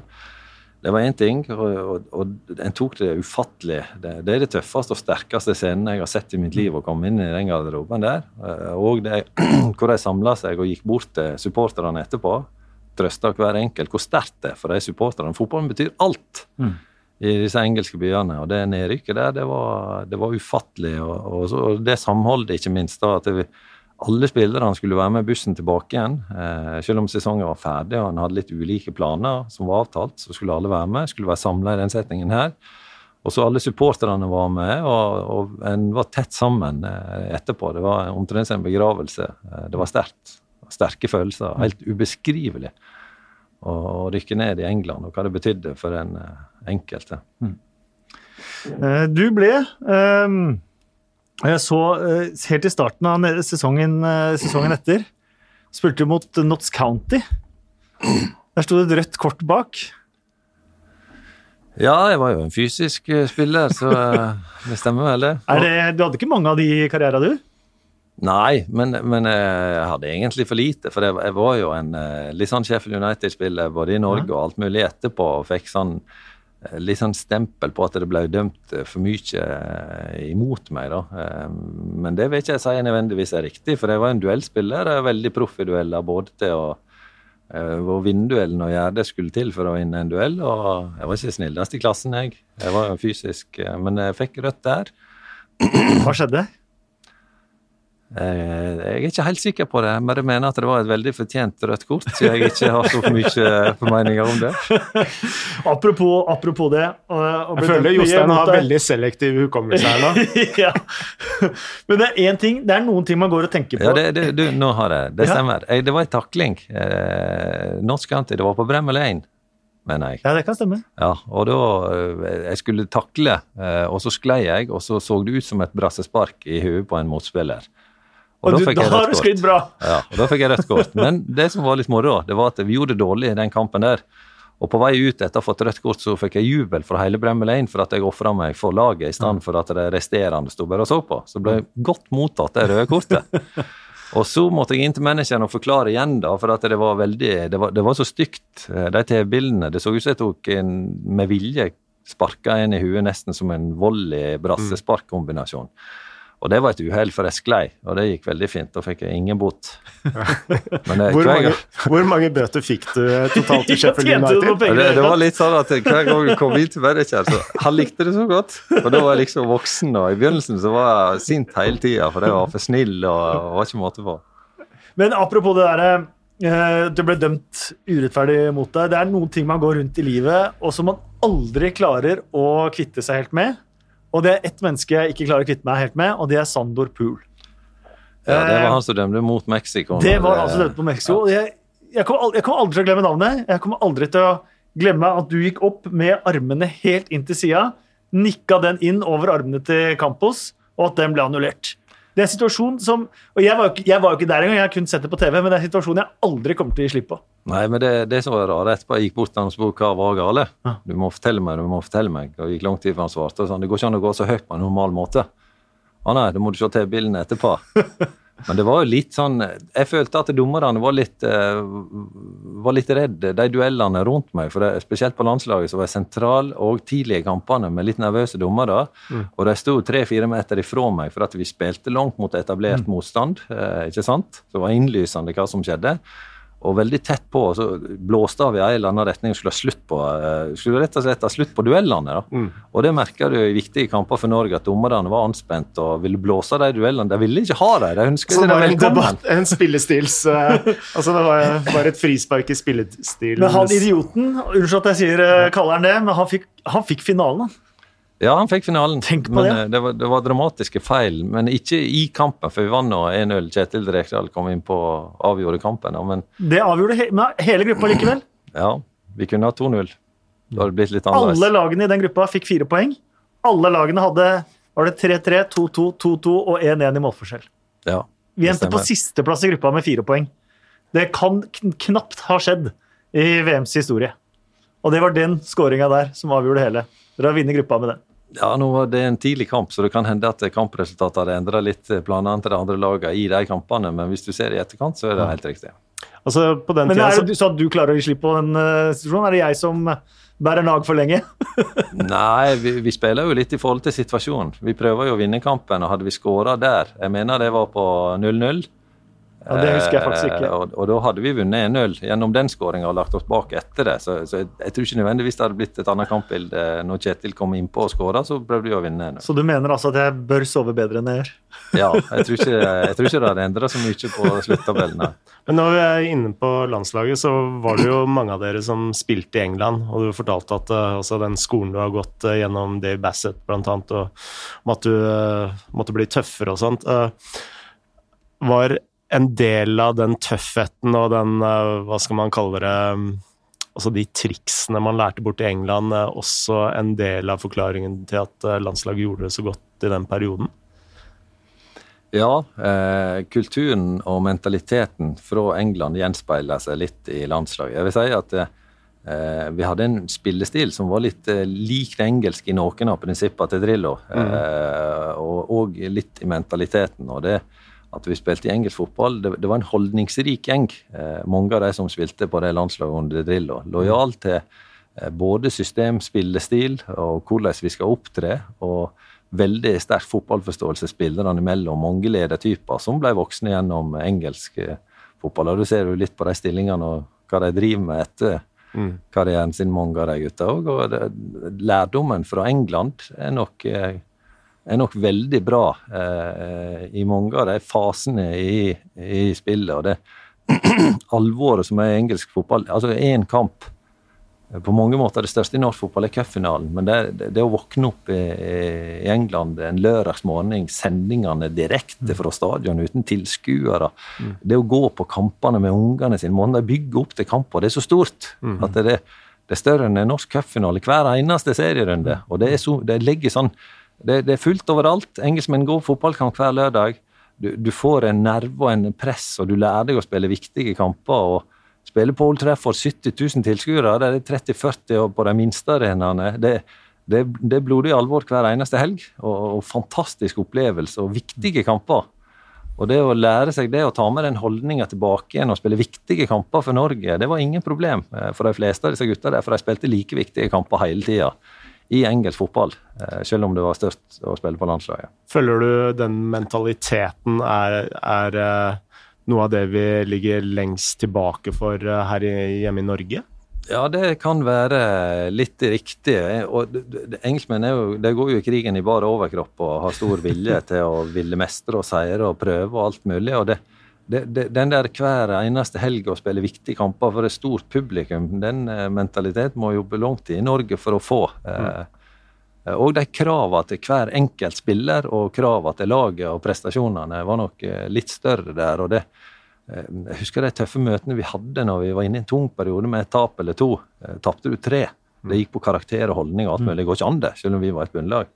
Da ofra vi livet, og da gikk vi i krigen alle mann. Og det, det der å gå i krigen, det har vi litt å lære. Og det å gå inn eh, den moralen og det viktige, altså. De ofra alt. Og det var så ekstremt hva de ofra. Du eh, havner nesten i nedrykksstrid også den tredje sesongen i Sheffield United, på det nest øverste nivået. Dave Bassett måtte gå der i, i desember. Du og Dave Bassett var ganske nære, var det det?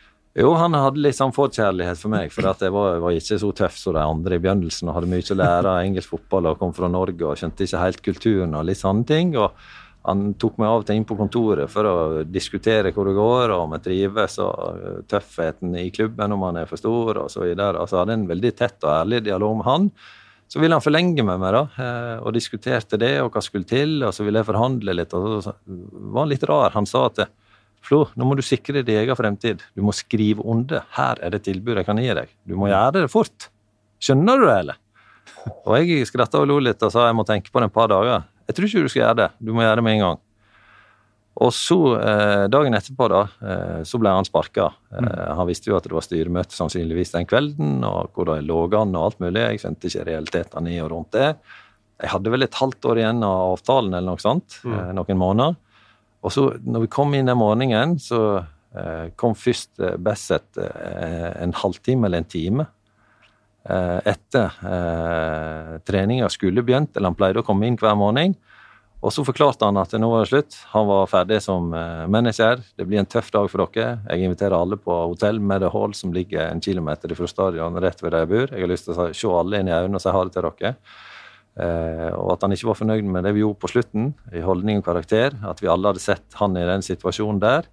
Og at karrieren for de fleste av dere var ferdig i den klubben her.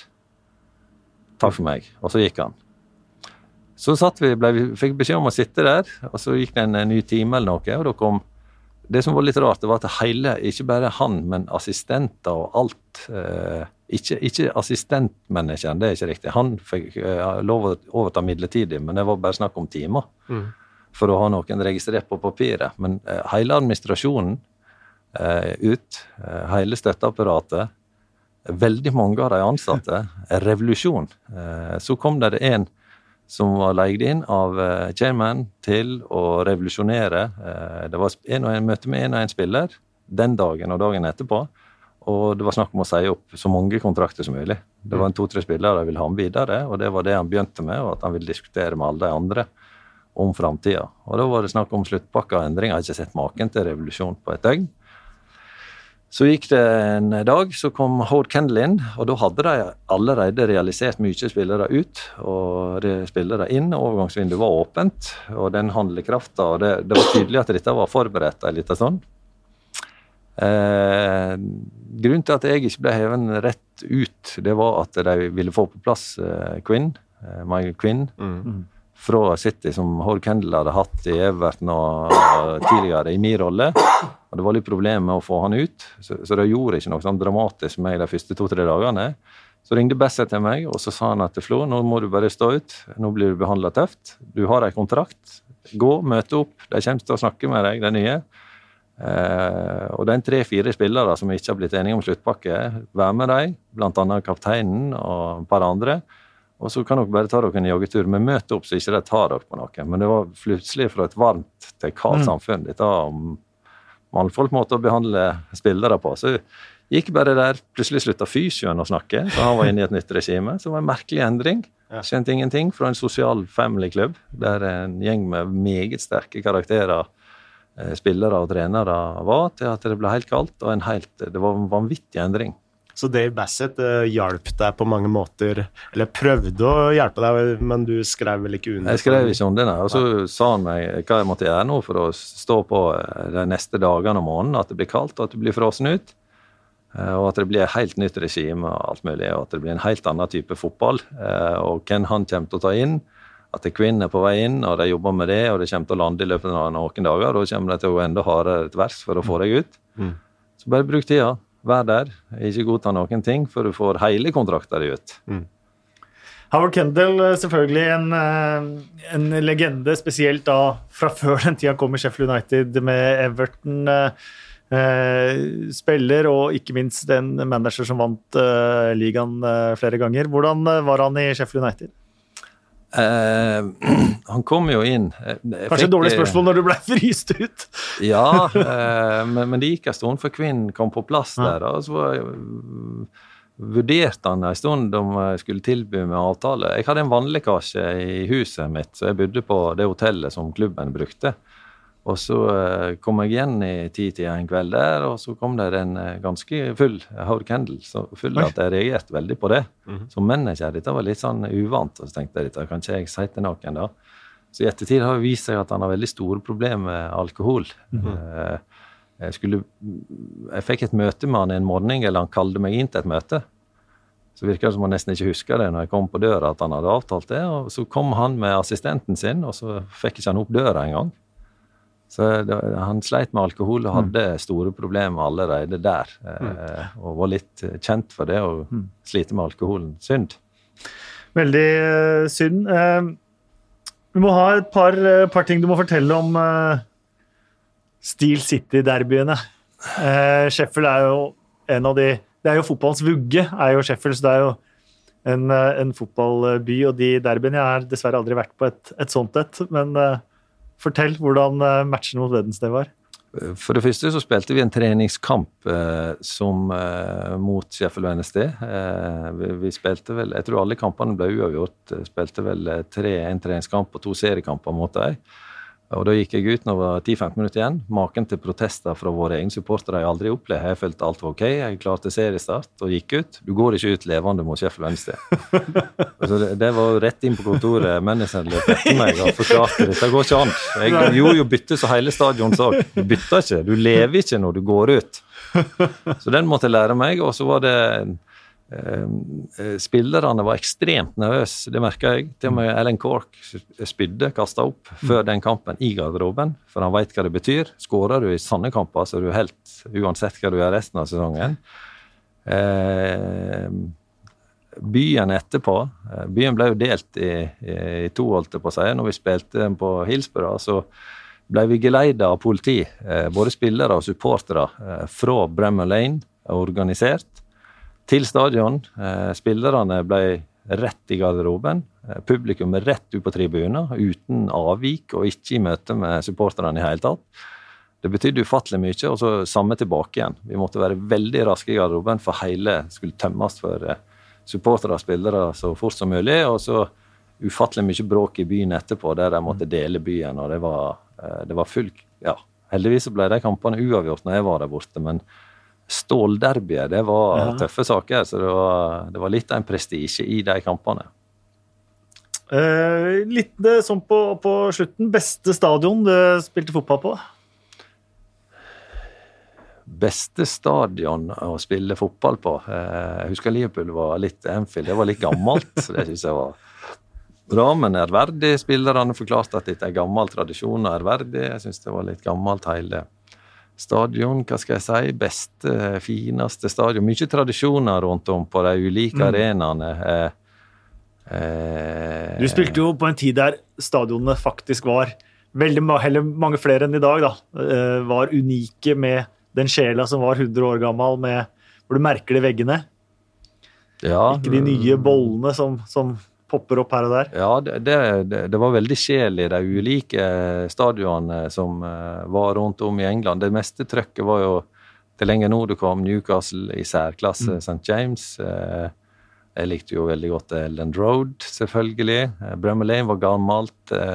Bremer Lane halla litt eh, over en halvmeter ned mot ene sida. Litt uvanlig. Det pleier å være høyst på midten, men der skrår det ned. Og når jeg spurte hvorfor det er så skjevt, for det var tydelig og merkbart, så var det tradisjoner. da. Ja. Som engelskmenn er veldig opptatt av. Stadion betyr alt. Det er jo mm. heimen deres. Så å gå fra ett stadion til et annet, det er tungt for engelske supportere. Mm. Hele deres ligger igjen eh, på stadion. Men eh, det var jo mest at tradisjonene i de ulike stadionene som var veldig merkbart. da. Hadde du vært på Ellen Road, Ellen Road før du spilte der? Ja, jeg var jo på Ellen Road hver gang jeg hadde anledning når jeg bodde i Sheffield. Og det som var litt rart når jeg bestilte billetter, var at jeg kunne ikke jeg kunne ikke bestille sjøl, for da kom jeg på VIP, og da sto det i avisa, så det var veldig stort trøkk. Og så kunne jeg ikke be mennesker eller noen, så hadde jeg en sekretær litt nede i systemet som hadde gode kontakter, og som ordna det var ikke det, Jeg kunne godt betale for billetter, men jeg kunne ikke stå i en billettkø der oppe heller. da. Så du tok på deg cap og solbriller og dro på Ellen Road? Ja, det gjorde jeg rett og slett. Og så satt jeg litt anonymt uh, og gjemte meg, og var veldig ofte der oppe helt alene. Og det var sånn som jeg ikke kunne snakke med andre om, men jeg var. Så du dro helt alene flere ganger på Ellen Road? Ja, en time å kjøre, og det tilpassa og veldig viktig. Det var litt ulike tider. og kampene gikk på. De fleste lørdag klokka tre i England, men av og til gikk det søndag og dagen før og mandag. Mm. Hver gang han hadde anledning, så var på Eldre og så kamp, ja. Men sa det til ingen. Verste stadion? Nei, jeg hater jo det der Liverpool. Men det er jo litt sånn alle har en klubb i England, og barndom og vokser opp med det, og, og har et engelsk lag de liker, og et de hater. Og eh, Anfield var veldig spesielt. Eh, verste stadion eh, det, var jo trøkk på de ulike stadionene som eh, var helt enormt, da. Eh, men verst Ja, må si Liverpool. Eh, galeste medspiller?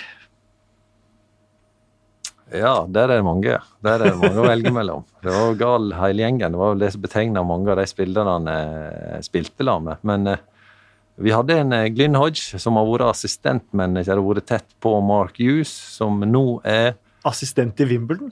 eh, vi, Ja, det er helt riktig. Han ble riktig. ansatt denne uka her. Ja, og han ble ansatt av Wally Downs, jo, Wally som Downs var manager, ja.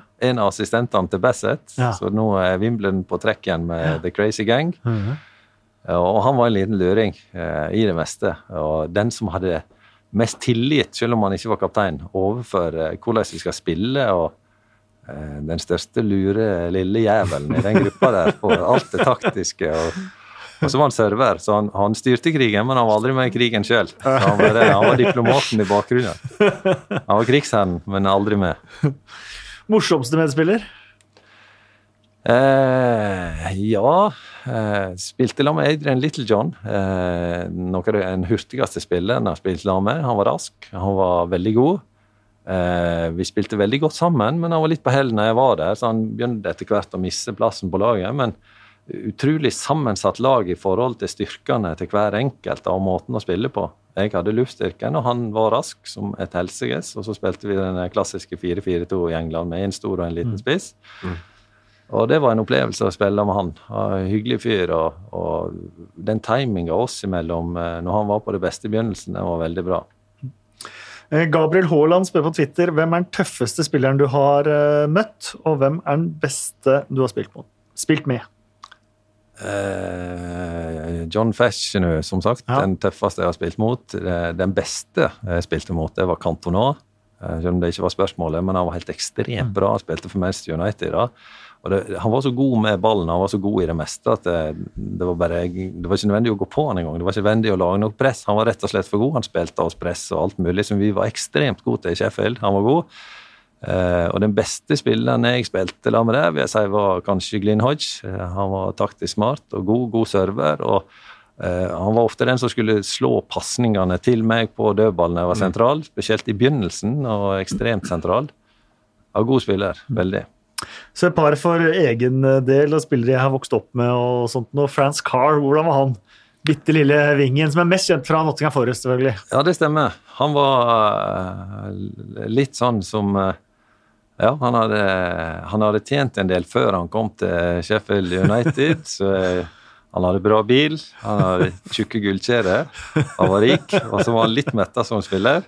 Så han fikk litt kritikk, for at i den klubben så var du mannfolk og du sto på, og den kategorien, han var litt av den eh, litt rikere og kommet litt lenger, så han eh, fikk nok kjørt seg litt. Chris Camara. Han var At han ikke kom blant morsomste. Han har vært veldig morsom på TV etterpå. Ja, og han var gæren. Han var gæren. Han eh, takla og sparka og hadde det som styrke. Han var den minst kreative fotballspilleren han spilte med. Han var god i dueller, han var god til å hale ut tid. Han var god til alt annet enn det som en forbinder med å være en kreativ, god eh, spiller med ferdigheter. Så hadde han mye meninger, og det har han alltid hatt. Og kontroversielle meninger òg, som vi ser litt på TV. Eh, og så er Det selvfølgelig, det føltes litt det siste, siste laget du spilte med, og det, det var kanskje litt fordi de omveltningene kom òg, at det var litt sånn Ditt uh, fotballspillere kom for å dø, for det kom jo et par som Gordon Cowans, Don Hutchinson, som var godt opp i åra. Ja, det, det var ikke sånn eh, revolusjonerende i forhold til mange av norske klubbene som er veldig opptatt av ung alder og spillerutvikling og alt. Det var ikke noe som het spillerutvikling i Sheffield United. Det var det eldre spillere og mannfolk. Eh, jeg var vel 28 år når jeg kom bort der og var blant de yngste på laget. Det var høy alder, det var tøffe mannfolk, det var erfaring som var viktig, eh, og snittalderen var veldig høy. Du, Jostein. Det har vært eh, en utrolig god halvannen time, ble det faktisk nesten. Eh, utrolig morsomt å høre deg fortelle historiene. Like så hyggelig å være du, med. er du noen ganger i Leeds for tiden nå? Eh, mindre og mindre, fordi at vi spiller kamper på tidspunkt som ikke passer. Og så er jeg borte der en gang eller sånn i året en har mulighet til det. Eh, så jeg har en sønn som er Manchester United-fan, og han er kanskje mer Manchester United enn Jeg er Leeds. Det tror jeg nesten ikke går an. Og så må jeg fortelle at jeg tok han med i fjor. og så Jeg elsker å stå blant supporterne, og det, jeg har til og med eh, stått blant eh, Liverpool sine supportere mot Tottenham, for det er en vanvittig opplevelse å stå blant dem, men det er farlig å ikke prøve å identifisere seg med dem. Så tok jeg med sønnen min i fjor. Eh, han er lidenskapelig Manchester United-fan, men jeg kjenner City og de folka som jobber der. Så fikk jeg eh, eh, billetter blant eh, City sine supportere ti meter ifra United sine, og det skillet der. Ja. På Old Trafford. Eh, litt bevisst for å lære sønnen min om engelsk fotball, og hvor dramatisk det er. Og han hadde United-drakt under boblejakka si. Og vi gikk inn på City sin eh, tribunedel og sto nede på tribunen. Jeg tok en eh, øl og forklarer han eh, Kasper, nå skal, vi, nå skal du få se hva pappa har opplevd. For sønnen din heter også Kasper, da. Eh, Ja. Eh, På eh, engelsk fotball. Ville at han skulle få en sterk opplevelse. Han var redd. 'Pappa, vi kan ikke være her!' Jeg har jo United-drakt. Og jeg ble litt redd. 'Kasper, det går bra. Kanskje dette var litt feil.' Og så gikk vi ut, og så var vi ti meter ifra eh, United sine supportere. Ble bombardert eh, med mynter for at det var United-supportere mener at City er kjøpelag. Men, men den atmosfæren og det å være så tett på to eh, supporterkretser sånn så det, jeg tror det var en opplevelse eller et sjokk for livet for hans del. Bytta han lag etterpå, eller? Nei, han er fortsatt United, men, eh, men det, det, det trøkket, det er alvoret og den atmosfæren i England. Da, og så Jeg vil ikke anbefale foreldre å ta med ungene opp iblant supporterne med feil drakt under jakka si. Nei. Det, da kan jeg avslutte med en historie fra vi hadde avslutningstur med Premier League-gjengen i TV 2 eh, på Wembley. Eh, Playoff-finale mellom Westham og Blackpool. Westham, og På Wembley så deler man stadion i to, uansett om det er utsolgt på den ene delen og ikke utsolgt på den andre delen. Så helt smekkfullt på Westham-delen, to tredjedeler fullt på Blackpool-delen. Eh, så der var det faktisk rundt oss en del som man så hadde Westham-drakt under klærne sine. Eh, For vi fikk jo da billetter på Blackpool-sida. Og plutselig så sitter vi der, og folk tror at vi er Westham. Eh, og Vi var jo for så vidt eh, nøytrale, og flere som egentlig sympatiserte også med Blackpool som underdog, og som hadde sjarmert oss i, i Premier League og sånn. Så en Så blir det litt sånn halvbråk og litt sånn kranglete rundt oss, og så kommer det en vakt, og flere vakter kommer bort til oss, og så sier de vi skal relocate you. Så sier vi ja, men det er jo for så vidt egentlig helt greit. Det ser ut som det er bedre stemning på, på andre sida der, så vi er med på det. Og så går vi da med én vakt foran oss, eh, to vakter bak oss. Ti-tolv stykker fra TV 2 blir relocated. eh, Kommer ned på baksida og så ut av stadion. Og idet vi kommer ut av Wembley, så hører vi bare bak bang. og der sto vi på utsida av Wembley, kasta ut i pausa på playoff-finalen. playoff-finalen. og vi fikk eh, heldigvis diskutert oss eh, inn igjen, og ble da satt på samme plasser igjen. Og da var vi ikke spesielt høye i hatten, noen av oss. Lærdom for livet. Lærdom for livet. Så det var det. Tusen takk, eh, Jostein. Veldig hyggelig. Tusen takk for at du var med meg, Frode. Eh, selv takk eh, for at jeg fikk eh, være med. Og god jul til alle som hører på.